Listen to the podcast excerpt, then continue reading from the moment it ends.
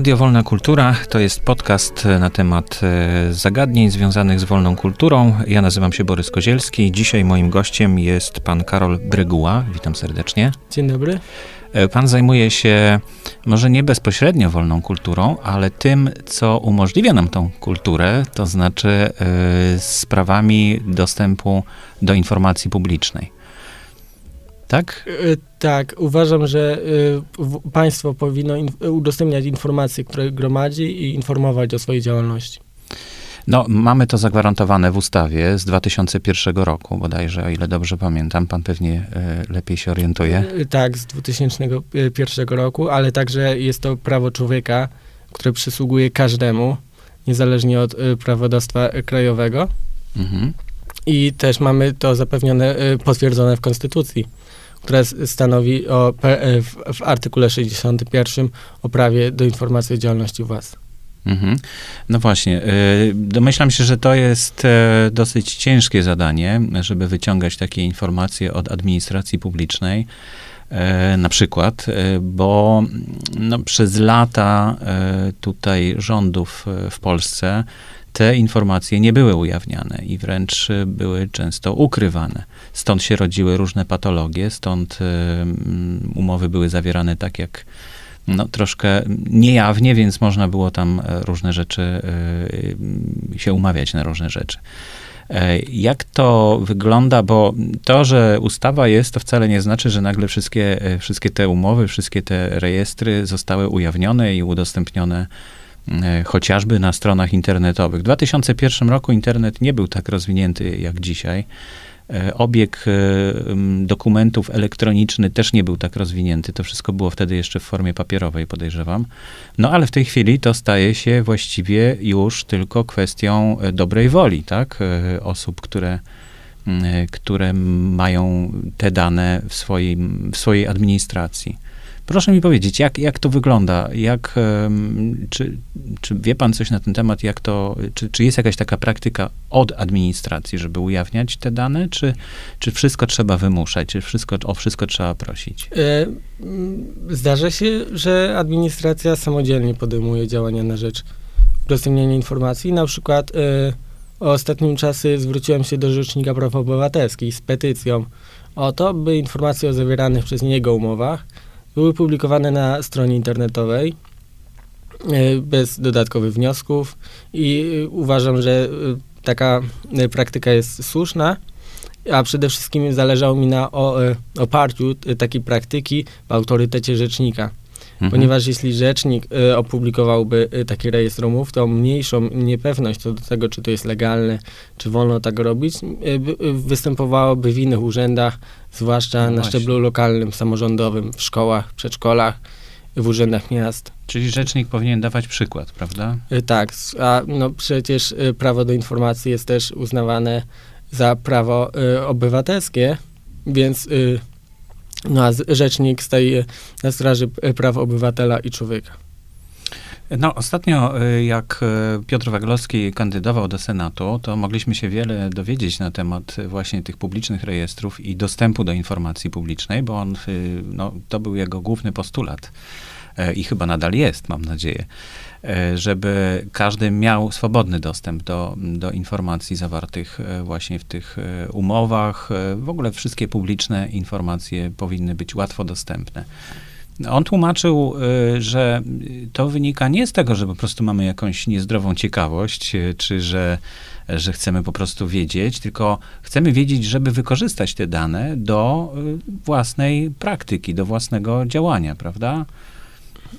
E, tak. E, I z jednej strony e, dane takie można wykorzystywać w celach właśnie kontroli społecznej, ale równie ważne jest wykorzystywanie tych danych po prostu tak na co dzień w życiu publicznym, czy nawet prywatnym. Przykładem tego może być, jak ostatnio organizowałem wydarzenie, żeby zorganizować, promować praktykę rzecznika, zorganizowałem wydarzenie, w którym informowałem, że Rzecznik Praw Obywatelskich y, publikuje taki rejestr umów, a raczej zadeklarował jego publikację oczekiwał, i wspólnie oczekujemy mhm. na spełnienie tej obietnicy. Niestety na stronie internetowej Rzecznika było logo w formacie y, bitmapy niskiej rozdzielczości, no a na po wrzuceniu tego na Facebook to wyglądało słabo. Więc zwyczajnie zwróciłem się do rzecznika o udostępnienie tego, plik, y, tego logo Mhm, mhm. w formie wektorowym. I w, po kilku dniach dostałem taki plik, taką informację y, w formie właśnie pliku, y, linku, że to już zostało zamieszczone na stronie internetowej. Mhm. No to, to jest oddzielny temat, e, kwestia logotypów, które są zamawiane przez urzędy różnego rodzaju, e, obsługi e, z serwisów społecznościowych. To też budzi troszkę kontrowersji. No ale dzisiaj troszeczkę o czym innym będziemy rozmawiać, czyli o tym, jak uzyskać taką informację publiczną, prawda? Bo mm, ustawa określiła, że każdy ma dostęp, natomiast jak to się odbywa w praktyce?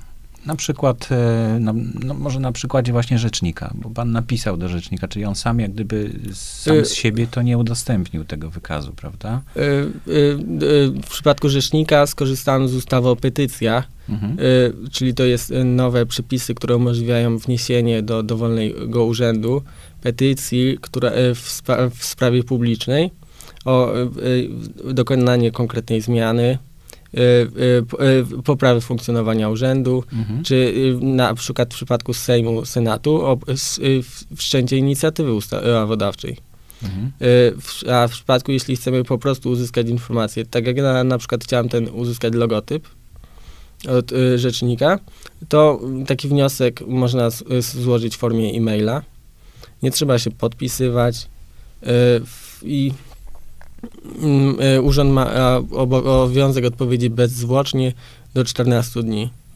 Y, Wystarczy No na, właśnie, czyli wystarczy zwykły e-mail, e, nawet e, z jakiegoś takiego adresu, który nie będzie mm, imieniem i nazwiskiem, tylko po prostu jakiś e-mail, tak? I powinniśmy dostać w ciągu 14 dni odpowiedź na tego e-maila tą samą drogą, tak? Mhm. No bo jak nie ma adresu naszego podanego, to tylko tą samą drogą możemy go dostać z powrotem. To do nas należy określenie, y, w jaki Sposobu. Mhm. sposobu, więc jeśli możemy też y, wysłać, że chcemy y, wysłać e-mail, że chcemy te dokumenty w formie y, skanów na płycie. Mhm. Na przykład obawiamy się, że nasza skrzynka tych dokumentów nie pomieści, Mhm. y, więc wolimy je na płycie dostać i wtedy urząd ma obowiązek nam przesłać je w, y, na adres wskazany w, w wiadomości.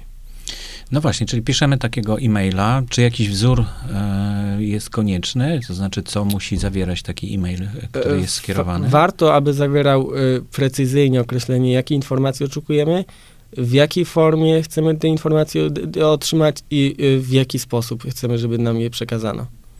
Mhm. Nie musimy powoływać żadnych przepisów prawnych, więc ja po prostu piszę, że proszę o, y, albo wnoszę o przesłanie tych dokumentów i wymieniam, jakie dokumenty chcę, w jaki sposób chcę je otrzymać. Mhm. A czy można napisać, że na przykład w wybranej przez urząd formie? No, y, myślę, że to jest. Y, nie było, y, nie wzbudzałoby to kontrowersji w Mhm. żaden sposób. No bo najczęściej to chyba najłatwiej jest elektronicznie jednak przekazać, jeśli one są w formie elektronicznej, ale pewnie mm, trochę tych dokumentów może nie być, nie, nie wszystkie mogą być w formie elektronicznej. No ale Wtedy też y, często sposób determinuje y, y, formę, bo Mhm. nie możemy dostać kserokopii na e-mail. No tak, mhm. no właśnie. No dobrze, ale y, składamy wniosek, mija 14 dni i nie dostajemy żadnej odpowiedzi. I co dalej? E, Jeśli takiej odpowiedzi nie dostajemy, A 14 dni roboczych, czy 14 dni kalendarzowych? E, kalendarzowych, Aha, czyli jeśli pierwszego wysyłamy, to 15 nie dostaliśmy odpowiedzi i to już jest... i już możemy skierować sprawę y, do Wojewódzkiego Sądu Administracyjnego właściwego. Też przez e-maila? E, Nie, w tym wypadku powinniśmy w dwóch egzemplarzach skierować skargę y, i wysłać ją na adres urzędu w formie papierowej, podpisanej odręcznie, Mhm. ponieważ nasze sądownictwo y, nie przyjęło jeszcze informatyzacji. Aha. E, No to pójdźmy tą drogą jeszcze dalej w takim razie. I co dalej się dzieje? Składamy mm, e, po tych 14 dniach, czyli 15 dnia możemy od razu takie pismo e, dostarczyć do sądu, Wojewódzkiego Sądu Administracyjnego. Tak? Możemy w, również wcześniej, jeśli uważamy, że w urząd pozostaje w zwłoce, e, e, bo tej info, tą informację powinien udzielić bez zbędnej zwłoki, a bez zbędnej zwłoki należy określać w okolicznościach konkretnej sprawy. Więc jeśli jesteśmy przekonani, że urząd celowo przewleka udostępnienie tej informacji, to w mojej ocenie sąd ma możliwość uznania y, również w takim wypadku Mhm. urząd jest bezczynny. No właśnie, bo tutaj mogą być dwie możliwości. Albo nie dostajemy żadnej odpowiedzi i mija 14 dni, no to już jest i tak za długo, prawda? Albo dostajemy odpowiedź, że jakąś wymijającą, że nie wiem, przygotowywane są te dokumenty, albo że nie udzieli takiej informacji urząd. Czy to jak gdyby zmienia e, tryb postępowania dalszego, czy to nadal... Y, Jeśli urząd, nas powia- urząd ma możliwość nas powiadomienia z wskazaniem konkretnego, do, odnoszącego się do sprawy powodu, przedłużenia załatwienia jej, bo na przykład dokumenty wymagają właśnie dużego wysiłku, na, na przykład oczekujemy dużo ilość dokumentów i bez zakłócenia pracy urzędu trzeba oddelegować pracownika, więc y, jest y, to wykonywane w dłuższym okresie czasu i wówczas urząd może do dwóch miesięcy od złożenia wniosku Mhm. powiadomi, powiadomić. W tym te, w terminie y, 14 dni ma obowiązek Mhm. nas powiadomić, że w terminie do dwóch miesięcy Mhm. nam udzieli o, y, pełnej i wyczerpującej odpowiedzi. Mhm. Czyli w momencie, kiedy nie mamy odpowiedzi po 14 dniach, to możemy składać już skargę do sądu, na, y, do Wojewódzkiego Sądu Administracyjnego, a jeśli mamy odpowiedź, to czekamy jeszcze te ewentualnie dwa miesiące, tak? Czy... Y, Urząd po prostu na, ma możliwość przedłużenia. Mhm. Jeśli mamy odpowiedź na przykład wymijającą, no to widzimy, że urząd e, po prostu nie odpowiada, nie zajmuje się Mhm. tym, y, czym winien się zajmować, czyli załatwianiem wniosku, to wówczas ma, możemy tą skierować sprawę nawet przed upływem 14 Mhm, dni i mhm. miałem takie, to nie wzbudzało żadnych kontrowersji i uwagi sądu. Mhm. No to taka procedura wydaje się, przynajmniej na tym początku, wydaje się dosyć prosta, ale wymaga systematyczności, prawda? Wystarczy, no to tak trudno, można się pogubić w tych e-mailach, trzeba jednak pilnować tego i systematycznie sprawdzać. Domyślam się, że to nie jest łatwa sprawa. No jeśli mamy jedną, no to powiedzmy jeszcze jakoś, jakoś sobie z tym poradzimy, ale jeśli jest ich więcej, to już trzeba kalendarz założyć, trzeba pilnować tych wszystkich terminów. No dobrze, ale co dalej się dzieje?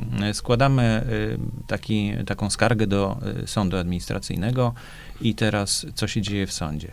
No, droga sądowa to jest bardzo wyjątk- e, wyjątkowa, bo wiele informacji można po prostu bez trudu znaleźć też na stronie internetowej, no i też jest po prostu udostępniana, ale jeśli takiej informacji, nie odpowiedzi wyczerpującej nie dostaniemy, to i złożymy skargę na bezczynność, to wówczas e, sąd nas wezwie do uiszczenia e, wpisu, E, to będzie wówczas 100 zł za wszczęcie takiej, sp- przyjęcie takiej sprawy do rozpoznania. Mhm.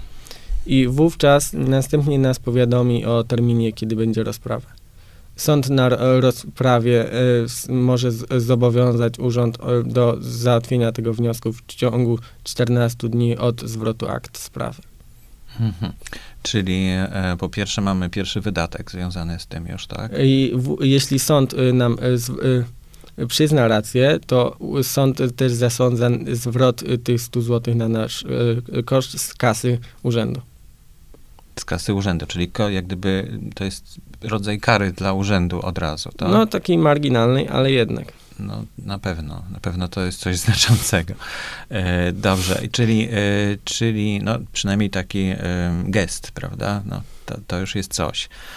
Dobrze, czyli em, otrzymujemy zwrot tych pieniędzy ewentualnie, jeśli skarga jest zasadna i musimy być na tej sprawie, czy nie? Nie, ja, nawet ja nie chodzę zwykle na swoje sprawy, bo studiuję w- na Uniwersytecie Przyrodniczo-Humanistycznym w Sielcach i nie mam możliwości uczestniczenia w rozprawach.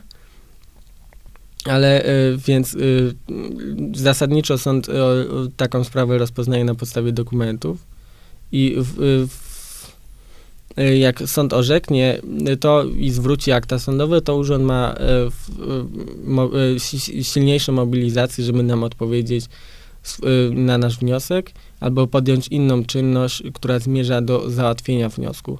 To nie, to nie musi zawsze oznaczać, że e, e, uzyskamy pełną No informację, właśnie. Mhm. ponieważ dany dok- dokument może zawierać też dane chronione, co jest zupełnie naturalne. Mhm. Że trzeba je chronić. Mhm. Tak, na przykład dane osobowe, e, bo, w, w, bo urzędy albo tajemnicę skarbową No bo właśnie. urzędy skarbowe Mhm. też przecież mają obowiązek odpowiadać na wnioski o informacje, ale też często spotykają się z danymi wrażliwymi podatników. Mhm. No dobrze, ale przyjmijmy taki e, czarny scenariusz, że e, sąd nakazał, ale urząd w ciągu 14 dni kolejnych znowu się nie wywiązał. I, i co, co dalej możemy zrobić? E, No, wówczas piszemy już bezpośrednio do sądu wniosek o wymierzenie organowi grzywny. Wówczas powinniśmy jeszcze wezwać urząd do wykonania tego wyroku, e, a później już bezpośrednio do sądu e, e, możemy skierować wniosek o wymierzenie organowi grzywny za nieprzekazanie, za niewykonanie wyroku i sąd ma wówczas możliwość wymierzenia do 32 tysięcy kary grzywny na urząd i, i ten wniosek możemy ponawiać wielokrotnie, aż nie odniesie on skutku. Mhm. Czyli ta kara może być wielokrotnie nakładana, tak? Tak. Mhm. No tak, ale to pewnie... E, I w, mhm. wówczas też może, warto rozważyć wnieś, y, zawiadomienie y, wręcz policji o y, przestępstwie, ponieważ kto wbrew obowiązkowi nie udostępnia informacji publicznej, podlega karze w- grzywny lub ograniczenia wolności do roku. Mhm. I wówczas jest to odpowiedzialność konkretnego urzędnika, na którym ciążyła od, o, o, odpowiedzialność y, odpowiedzi na ten wniosek, Mhm. zajęcia się nim. Zdaje się, że taki przykład jest e, na pana blogu, prawda? E, Dotyczący prezydenta miasta. Y, tak, w przypadku prezydent miasta Bełchatowa Mhm. również złożyłem tego rodzaju zawiadomienie, lecz nie, co nie jest, lecz nie podjąłem drogi sądowej. Uznałem, że nie jest ona konieczna do wyjaśnienia tej sprawy, bo to są zupełnie różne rzeczy, postępowanie karne, postępowanie sądowo-administracyjne. I y, w, złożyłem tego rodzaju zawiadomienie y, w Bełchatowie i też napisałem na swoim blogu o tym. Y, Poruszyłem też w, lokalnych mediach informacje o tym i dzięki czemu dosyć szybko dostałem odpowiedź, że mój wniosek wpadł do spamu. Ale jednak już dostałem odpowiedź. Mój wniosek dotyczył w- jakie re, informacji, jakie prowadzone są rejestry. Wmia- Wskutek późniejszej wymiany korespondencji uzyskałem już nawet kopię y, tego Mhm. rejestru umów. No ale to ciągle nie jest publicznie dostępne, tylko jedną, jedną Tak, teraz y, oczekiwałbym od władz y, prezydent miasta Bełchatowa, aby taki rejestr umów zamieściła na swojej stronie internetowej. Wówczas nikt więcej nie będzie się narażać, No że ich poczta Mhm. in- internetowa nie funkcjonuje prawidłowo, Mm, bo nikt więcej nie będzie musiał składać takich pism w, w, zakresie tej informacji. Mhm. No I właśnie, to- ale czy, czy urzędy same z siebie podejmują taką inicjatywę, że jeśli ktoś e, prosi o jakąś informację publiczną, to oni publikują to na stronie internetowej, czy po prostu odpowiadają i tą informację publiczną udostępniają tej osobie, która o to pyta większości? E, e, miasto stołeczne Warszawa Mhm. e, zapewnia, że takie działania podjęło i wów, o, opisuje historię, że na skutek wniosku, coraz większej ilości wniosków, które były coraz obszerniejsze, które dotyczyły właśnie udostępnianych umów, gdzie pierw Mhm. były wnioski o pojedyncze umowy, lecz jednak trudno y, y, i jak nie wie się o co pyta, to wówczas były te wnioski obszerniejsze. Organizacje Mhm, pytały mhm. o wnioski, y, o umowy z okresu miesiąca. I wówczas władze Warszawy podjęły decyzję, że przestaną, y, mm, że wygodniej dla nich będzie wprowadzić te dane do systemu komputerowego, zamieścić te dane na stronie internetowej, niż każdorazowo na wniosek y, y, y, dowolnego obywatela, mieszkańca odpowiadać, Mhm. No to genialny pomysł. wyszukiwać Genialny ten segregator, y, iść do tego skanera, skanować, odkładać te dokumenty, Mhm, mhm. przygotowywać kolejne pismo, w którym informuje się, że udziela się tą informację.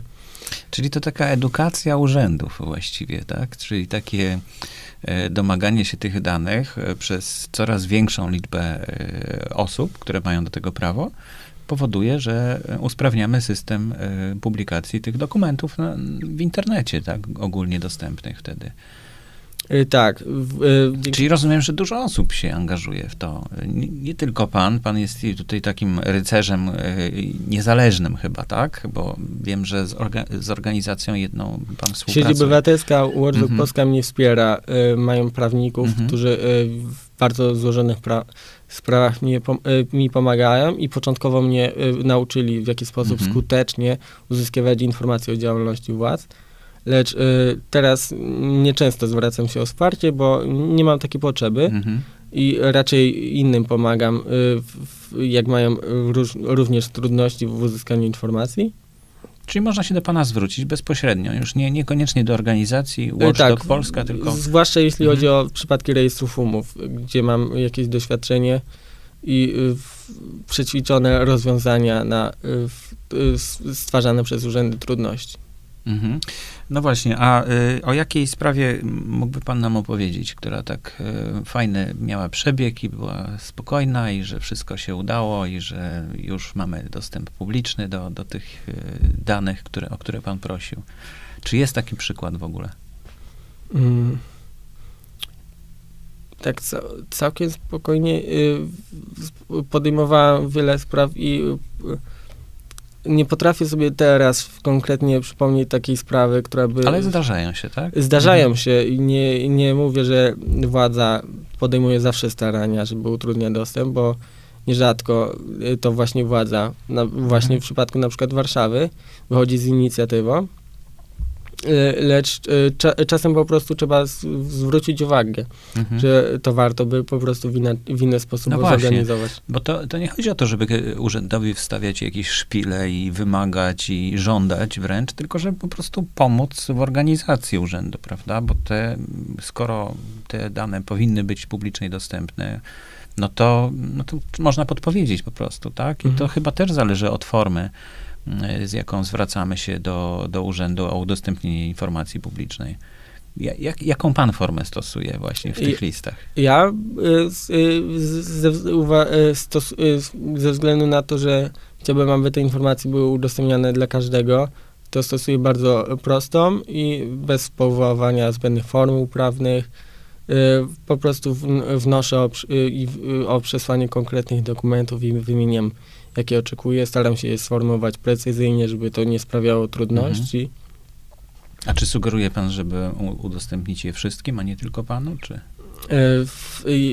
Czasem, jak, nierzadko jak dostanę dany dokument, to wówczas zwracam się o udostępnienie go na stronie internetowej, bo y, s- albo gdy przejdę daną, y, z danym urzędem Mhm. drogę sądową i ten urząd y, przekona się do tego, że dane należy udostępniać, y, to podejmuję działania, żeby te dane były publikowane, y, udostępniane dla każdego. Z, każdej, y, z niemalże każdej sprawy sądowej y, dokumenty publikuję na swoim blogu. Y, I na przykład w, byłem w, w sądach z połową Rady Ministrów, ponieważ do wszystkich ministerstw zwróciłem się o udostępnienie rejestrów zawieranych umów. Mhm. W większości y, takie rejestry nie były udostępniane y, bez y, problemów, chociaż są urzędy ministerstwa, które wyróżniały się bardzo pozytywnie, na przykład Ministerstwo Obrony Narodowej, Mhm. że nie, nie było problemów a i nawet gdy zwróciłem się z propozycją, żeby rejestr umów opublikować na stronie internetowej, o tu jest właśnie ta, ten pozytywny Aha, przykład, aha. y, o który pan wcześniej pytał. Złożyłem propozycję, żeby na stronie internetowej go opublikować. Y, To opublikowano rejestr umów zawartych w trybie zamówień publicznych zgodnie z moją propozycją. No bo to wystarczy chwilę pomyśleć, że zaraz może ktoś następny zapytać, następny, to po co mamy zatrudniać człowieka, który będzie te dokumenty przygotowywał, skoro one i tak są publicznie, powinny być publicznie dostępne, więc chyba łatwiej je udostępnić właśnie na stronie internetowej. Ale takiej praktyki nie ma ciągle, żeby to z automatu się działo. Chociaż do niektórych e, sfer takiej działalności publicznej chyba są, że na przykład zamówienia publiczne muszą być publikowane, prawda? Y, Tak, zamówienia publiczne Mhm. muszą być publikowane I wyniki tych... e, i wyniki mhm. tych zamówień publicznych, co jest bardzo ważne, chociaż y, i doceniane przez przedsiębiorców, którym No to właśnie. zapewnia bezpieczeństwo. Niejednokrotnie... No, przedsiębiorca też może zobaczyć właśnie, kto wygrał, y, dlaczego wygrał, y, jakie miał lepsze warunki podał, czy no, to, to są takie podstawowe informacje i wtedy wiadomo, czy składać następne, o, o następne zamówienie publiczne, czy warto w ogóle się starać, prawda? E, to jest taka podstawowa informacja dla przedsiębiorcy. No właśnie o takie dane chodzi, żebyśmy mogli je uzyskiwać, prawda? Ja zabiegam o to, y, żeby y, każda umowa, która jest zawierana przez urząd, była publikowana, nie tylko ta zawarta w trybie zamówień publicznych, ponieważ y, gromo, ogromna ilość zamówień publicznych, znaczy się zamówień urzędów, jest zawierana poza trybem zamówień publicznych ze względu na wartość. E, w ostatnim... Bo to powyżej jakiejś wartości dopiero jest konieczność zawierania właśnie e, zgodnie z e, ustawą o zamówieniach publicznych. Zdaje tak, więc i, a w przypadku małych miejscowości bardzo mhm. duża, bardzo duże znaczenie mają również te zamówienia niewielkie, a dla mnie ważne jest właśnie też patrz na perspektywę lokalną, samorządową w małych miejscowościach, gdzie y, urząd jest często jedynym albo największym y, Y, pracodawcą i tam dużo można y, wpływać, uzależniać ludzi mhm. Przez właśnie tego rodzaju kontrakty, więc chciałbym, aby takie kontrakty były spublikowane na stronach internetowych. Y, właśnie, I to by, myślę, oczyściło no, perspektywę mhm. lokalnie i byłoby zabezpieczeniem dla ludzi lokalnych i też do, zgłaszają się do mnie przedsiębiorcy, którzy widząc, y, y, którzy Y, uzyskali rejestry umów albo przejrzeli te, które zostały zamieszczone na stronach internetowej i zwracają się do mnie, mhm.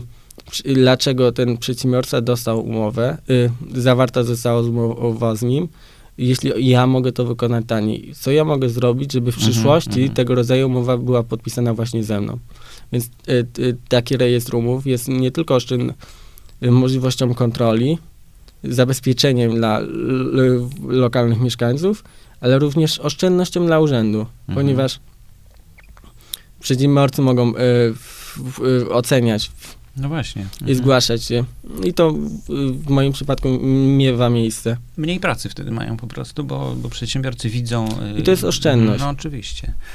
No ale to proszę mi powiedzieć, bo pan mówi o, tutaj o wielu sprawach sądowych, to wygląda już na cały etat ta praca.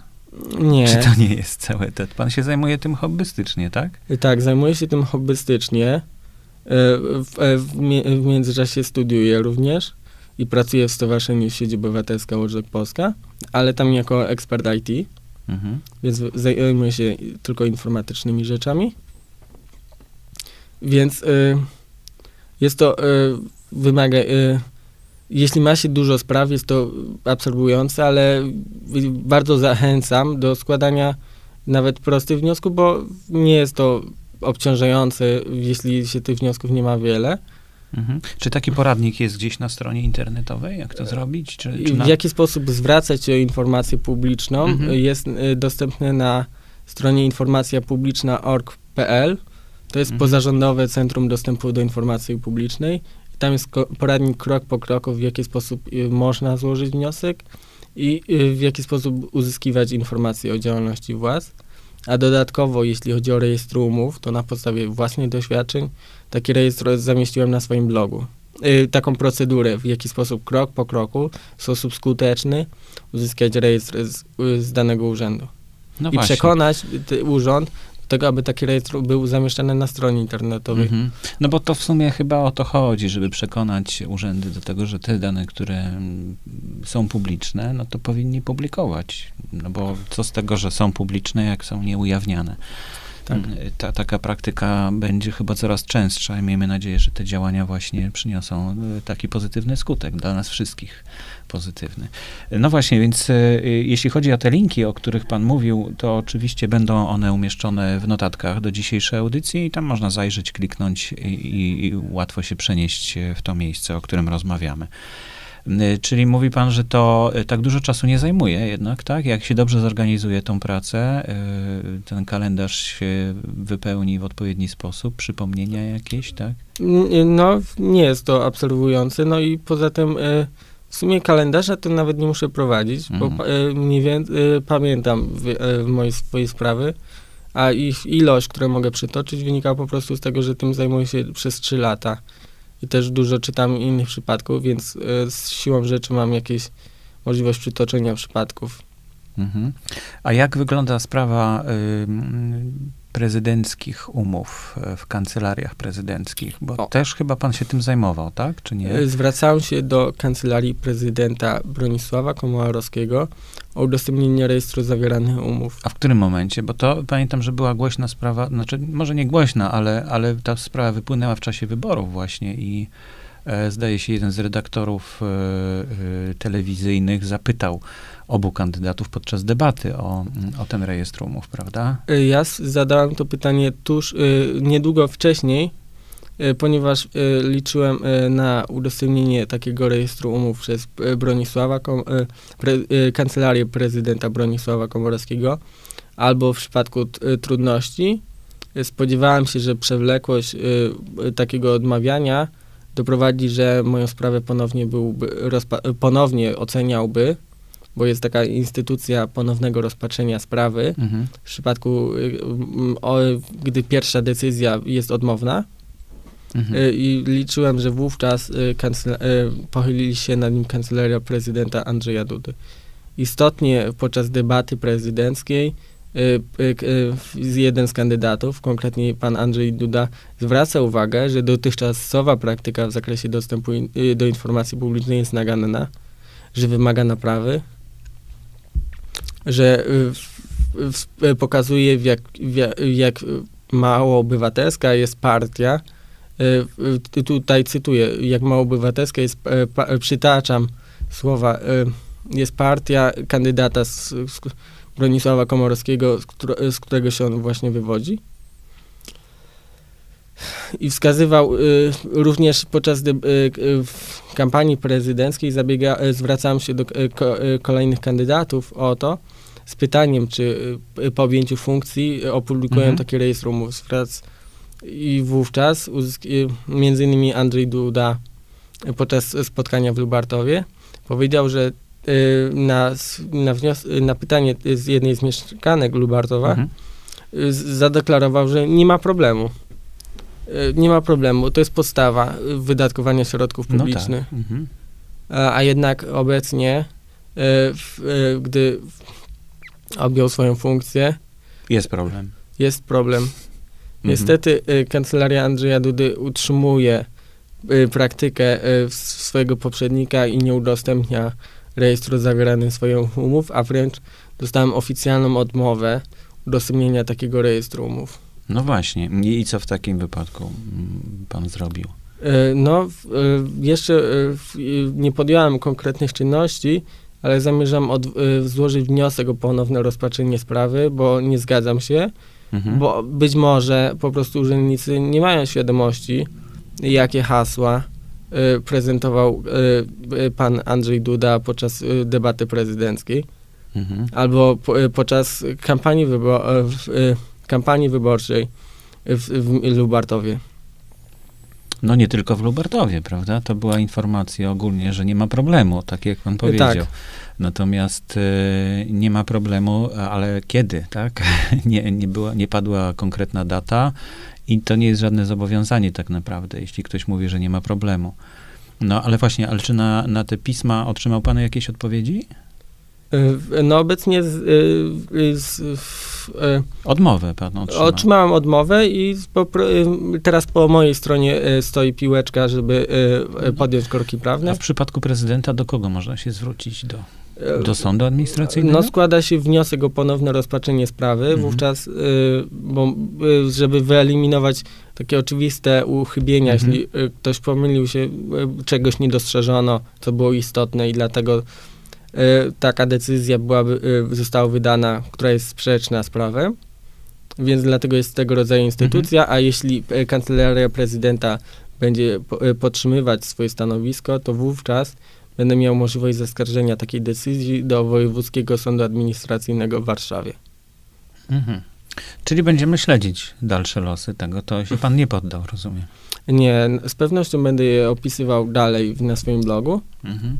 A czy jest możliwość, żeby mm, właśnie ten rejestr umów e, poprzedniego prezydenta, Bronisława Komorowskiego, kancelarii, no, bo to jak gdyby jest e, razem, tak? To znaczy... E, tak, ja, e, co ciekawe właśnie, mój wniosek dotyczył umów e, od 2013 roku, bo to był, bo wówczas do, mam dokumenty, że, od, y, że w 2013 roku taki rejestr y, umów był Aha. uprowadzony. Mhm. Był prowadzony w komputerze, w arkuszu Czyli kalkulacyjnym, mhm. że jest zarządzenie regulujące prowadzenie takiego rejestru mhm. umów, odpowiedzialne osoby wyznaczone do jego prowadzenia.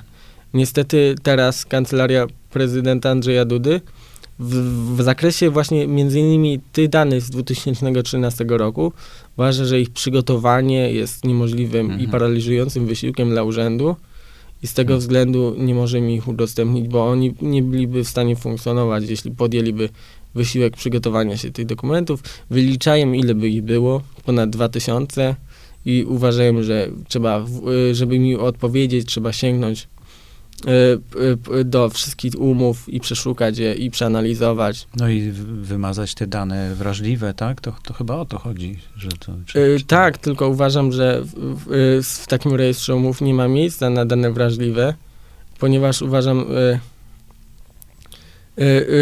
a, a ewentualne dane wrażliwe będą bardzo wyraźnie widoczne, bo to będą na przykład adresy zamieszkania mhm. osób fizycznych to nie wymaga wielkiego Czyli wysiłku. to pewnie jest jedna kolumna w Excelu, prawda? Być tak, więc może. to nie jest duży wysiłek ich odszukanie. Nie, nie trzeba wcale sięgać mhm. do tych papierowych zbiorów umów, więc ta argumentacja Kancelarii Prezydenta nie przekonuje mnie w żaden sposób co do tego bo uważam, że nieprawidłowa organizacja pracy urzędu nie może ograniczać tego, no jakie informacje mam.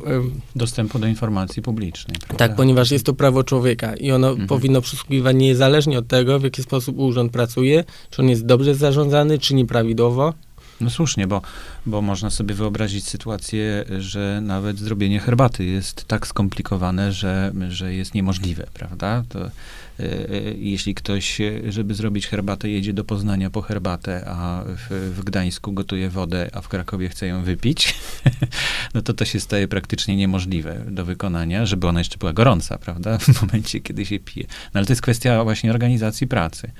I, I to nie, nie powinno, y, to znaczy trzeba lepiej zorganizować pracę w związku z tym, a jeśli nie, no to, no to trzeba płacić karę chyba, rozumiem, że, że sąd administracyjny, no zobaczymy, bo bardzo ciekawe to w jest. Tym wypadku, no nie widzę po prostu nawet miejsca dla nieprawidłowej organizacji pracy, skoro wiemy, że ten rejestr jest prowadzony, jest zarządzenie i wystarczy ten plik, który jest prowadzony mhm. w komputerze, za, y, przesłać. Jednak ja poczuwam, że to jest po prostu brak woli. No może tak, ale może I kancelaria jakieś... w sposób mhm. wyraźny zaznacza, że udostępnienie tej informacji nie będzie istotne dla interesu publicznego. A, no ponieważ no oni tak. są już dostatecznie kontrolowani przez y, y, y, y, NIK, Mhm. I oni nie, nie, nie, nie, będzie służyć dodatkowa kontrola no i przygotowanie jest, tej informacji. No to to jest błędna teza, natomiast y, być może są rzeczywiście jakieś utrudniające y, procedury, które powinni naprawić, ale, ale być może nie mają woli, żeby to zrobić. No ciekawe, jak to się rozwinie, będziemy śledzić y, te informacje. Widziałem, że na Facebooku ma pan też odpowiednik swojego bloga, na którym są wydarzenia, prawda? Tworzone i te wydarzenia y, są tworzone po to, żeby w, w, konkretnym czasie przypomnieć sobie, że jakieś działanie wcześniej było podjęte, tak? Y, wydarzenia na Facebooku tworzy, aby angażować ludzi do, mhm. w danej sprawie. Dlatego na przykład jest utworzone y, wydarzenie premierze RP. Chcemy poznać umowy, to nasze pieniądze. No właśnie. I, ponieważ I każdy może się dopisać i sobie po prostu I każdy może dopisać temu. i obserwować, w jaki sposób ta sprawa przebiega. A jeśli y, taka y, będzie rozprawa, która będzie fundamentalna, no to y, będę zapraszał ludzi do uczestniczenia w nich. Mhm. No już tam chyba jest sporo tych wydarzeń. Nawet y, widziałem, że 10 listopada jest rozstrzygnięcie jednej z tych spraw. No, jedna z tych spraw to jest Rzecznik Praw Obywatelskich, no publikuje mhm. rejestr umów, obywa- rejestr umów mhm. ponieważ zwróci, jak już wcześniej wspomniałem, zwróciłem się do Rzecznika Praw Obywatelskich z petycją o zamieszczenie mhm. rejestru zawieranych umów. Rzecznik powiedział, Zgoda. że bardzo mhm. chętnie. Nie ma problemu. Nie, nie, ma problemu, że on wielokrotnie podkreślał, jak to jest mhm. ważne w mhm. swoich wystąpieniach. Jednak y, wskazał, że na przygotowanie tego rodzaju rejestru, potrzebuje który czasu. Potrzebuje pracy, nie jestem w stanie tego ocenić, bo w niektórych wypadkach to jest przygotowanie systemu komputerowego i to jest bardzo mhm. cenne i wskazane, aby takie dane po prostu były na bieżąco publikowane, mhm. a jednak y, przystosować system komputerowy jednak może być wysiłkiem, y, wa, ale wartym poniesienia. No tak, y, zwłaszcza, że to są ciągle niescentralizowane i nie ma jakiegoś e, chyba jednego oprogramowania, które by to wszystko mogło ogarnąć w każdym miejscu. I każdy tworzy na własny, tak, rachunek, coś takiego. E, nie ma jednego oprogramowania do prowadzenia rejestru umów. Są różne, różne firmy, mhm. tworzą oprogramowanie do zarządzania urzędem, do projektowania budżetu, księgowości. No gdyby tak pomyśleć e, logistycznie, to raczej fajnie by było, żeby to było centralnie, prawda, I, e, dostępne. I w niektórych krajach, e, jak, jak na przykład w Słowacji, takie dane są publikowane bez dodatkowych wniosków i niemalże każda umowa. Z automatu. Jest, jest na Słowacji umowa jest wiążąca, z samorządem jest wiążąca tylko wtedy, kiedy zostanie zamieszczona w systemie o. komputerowym. No, no właśnie. Więc jest szczególna mobilizacja do tego. I na stronie internetowej tym samym pewnie, tak? Tak, mhm. i jest scentralizowana strona internetowa. 7, 700 tysięcy umów od 2011 roku rząd zamieścił i ponad milion umów samorządy zamieściły na Słowacji. Czyli mamy się na kim wzorować. Tak, no mamy wzór w Stanach Zjednoczonych jest to też częsta praktyka w Wielkiej Brytanii, gdzie nie, nie ma już, y, albo w, w, w wielu innych krajach europejskich. No bo to można zrobić albo po fakcie i wtedy to jest kłopot, bo trzeba wygrzebywać te umowy z różnych plików, z różnych miejsc, ale można pomyśleć właśnie o tym e, na samym początku, czyli w momencie, kiedy podpisuje się taką umowę, ona jest cyfryzowana, czyli skanowana albo przepisywana do komputera i to, ten rejestr od razu powinien być dostępny publicznie. Rozwiązanie jest proste, u samego źródła i kwestia tylko, y, kiedy y, ktoś wpadnie na to, że to, jest, że to może być tak genialnie proste. No ale coraz więcej, warto wiedzieć, że coraz więcej urzędów takie dane po prostu publikuje, na przykład Szczecin udostępnia nawet skany umów. Gdańsk przyjmuje politykę otwartości. Ale każdy u siebie, tak? Nie ma centralnego takiego rejestru. Nie ma centralnego obecnie rejestru, ale też y, y, warto zwrócić, że nie tylko umowy są ważnymi danymi gromadzonymi przez samorząd y, mhm. y, albo przez urzędy. Mhm. I dlatego y, często ciężko stworzyć taki jednolity system do wszystkich informacji, które gromadzi władza. No tak, ale pewnie do tego będziemy zmierzać i to wydaje się najbardziej ekonomiczne wtedy, prawda? Żeby taki system centralnie stworzyć, a nie każdy, żeby zamawiał informatyka, który spe, specjalnie do tego przystosuje i jego system, bo każdy no, na, będzie inny. No, na Ukrainie pracują y, w, spo, obywatelsko nad tworzeniem mhm. oprogramowania dla urzędów i wymuszają wdrożenie po prostu tego rozwiązania, e, mhm. ale nie firmy wy, y, z, ze sztabem prawników, mhm. ale to obywatele wymus, y, tworząc oprogramowanie, y, tworzą oprogramowanie na różnego rodzaju hackatona, i tam mhm. również na przykład przyjęto, że rejestrów będą publikowane. No, to, to jest, to jest Więc nawet też... od Ukrainy możemy się wzorować w zakresie rejestrów umów, które u nas mhm. nierzadko są trudno dostępne. Mhm. No fajnie, bardzo dziękuję e, za dzisiejszą rozmowę. Chyba, że pan chciałby jeszcze coś dodać, nie wiem, może o czymś nie wspomnieliśmy, a warto. E, linki oczywiście będą w notatkach e, do tej audycji, żeby można było śledzić, gdzie czego szukać, jakich rozwiązań. No i zapraszamy na Facebooka na te wydarzenia, bo to ciekawie podpatrzeć, jak to, jak to będzie się rozwijać. Poza tym, im więcej ludzi tam będzie, no to też będzie stanowiło jak gdyby taki zewnętrzny wskaźnik tego, jak ludzie są zainteresowani tym tematem. Y, władze, nierzadko y, teraz na przykład jest y, konkurs Be Happy, gdzie właśnie tu władze zabiegają o to, aby obywatele wykorzystywali ich dane. Poznań, mhm. Kraków, Warszawa, Gdańsk uczestniczą w konkursie y, uczestniczą w konkursie y, na stworzenie aplikacji z wykorzystaniem Mhm. danych miejskich. Udostępniono rozkłady jazdy, jazd, y, mapy i Mhm. wiele innych c- cennych danych, które y, mogą usprawnić y, y, y, y, działanie i istnienie w mieście. No właśnie. W jaki jest, y, Bo to też są te dane publiczne, prawda? To Parkomaty, są, mhm. lokalizacje y, tramwajów bieżące, y, stan kolejek w, urzędach miast, Mhm, jeśli jest system mhm. kolejkowy. No te dane y, dla urzędu jest trudno wyobrazić sobie, w jaki sposób je można wykorzystać. ale jak wskazuje historia, no często te dane były wykorzystywane w sposób y, niesamowity. I na przykład w Mhm. Nowym Jorku, y, które jest bardzo otwartym miastem i dużo danych udostępnia Mhm. w, w edytowalnym przy- y, systemie archiwizowania danych. Z, ostatnio na TED oglądałam audycję, w którym zwracano uwagę, że można było wyeliminować y, parkomaty, które w, w, y, y, miejscach, w, w których nie wolno parkować, y, ponieważ jest tam hydrant i jest to miejsce niedozwolone, a jednak to miejsce było niedostatecznie oznaczone i po prostu było miejscem, w którym były y, największe y, zyski z mandatów, A, kary, tak? ale jednak obywatele nie czuli się zado- y, y, poszkodowani, e, y, czuli się poszkodowani wymierzonymi Mhm. karami, a jednak, y, ponieważ w- to miejsce faktycznie było bardzo słabo oznaczone, ale jednak przez wiele lat to miejsce było najbardziej dochodowym y, miejscem ma- dla mandatów w Nowym Jorku. No i dzięki dostępowi do tych danych to się udało jakoś wyłapać. Dzięki tak? zaagregowaniu danych co Mhm. do y, wysokości opłat za mandaty, Aha. to ciekawe. Y, w Nowym Jorku y, aktywista stworzył mapę, następnie przeanalizował ją i zwrócił uwagę, gdzie, Które miejsce jest najbardziej miejscach- dochodowe? tak.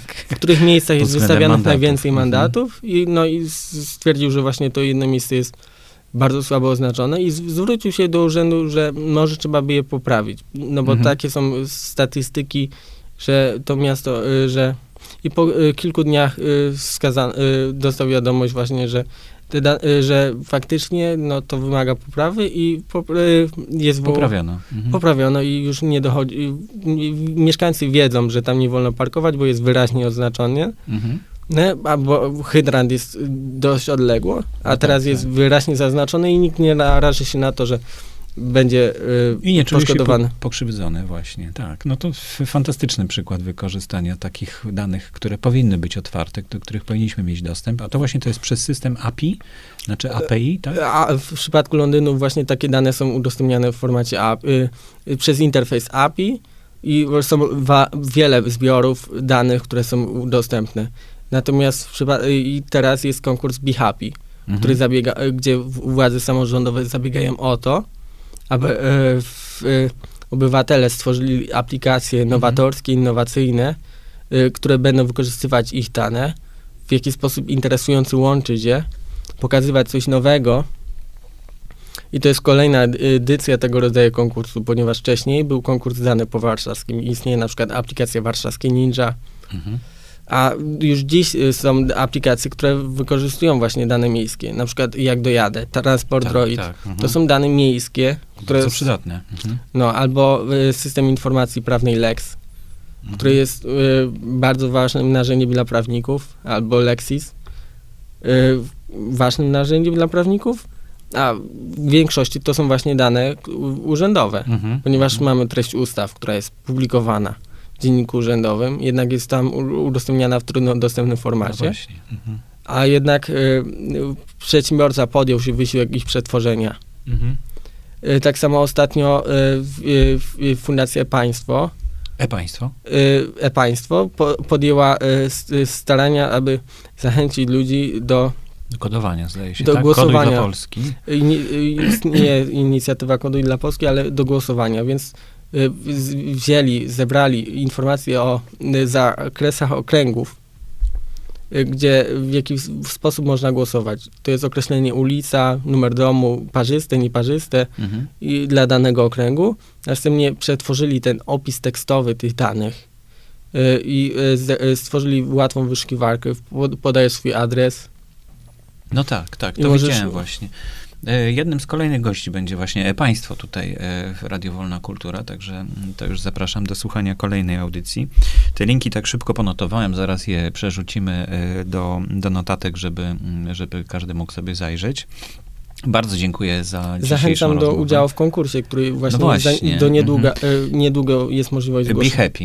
Be happy. Mhm. To też linka będzie można za Mhm. chwilkę dopiszemy y, tutaj do tych linków y, w notatkach y, i, i zapraszamy. A ten konkurs kiedy się kończy? Czy on będzie stale? Nie, ten konkurs jest dosyć regu- jest jego to kolejna edycja. Nie mam wiedzy co do następnej edycji, ale teraz chyba jest to 12 listopada jest możliwość zapisania i zgłoszenia swoich pomysłów. Mhm, mhm. No to może jeszcze ktoś zdąży, bo ta audycja będzie słuchana tak przez najbliższy miesiąc, tak myślę, i potem też będzie dostępna oczywiście w internecie, ale jeśli nie, no to na pewno w linku będzie można znaleźć kolejną edycję, jeśli, Mhm. jeśli taka będzie. Jeszcze raz bardzo dziękuję e, za wizytę i za, za te informacje. Karol Breguła był moim e, gościem, e, który prowadzi blog Dobrawego. Tak się nazywa ten blog. I właśnie tam te, większość informacji, o których dzisiaj mówiliśmy, tam można znaleźć i, i te pewnie linki e, do ciekawych informacji e, również o tym, e, o czym rozmawialiśmy, czyli o dostępie do informacji publicznej. Dziękuję. Bardzo dziękuję. Ja nazywam się Borys Kozielski. Do usłyszenia. Do usłyszenia.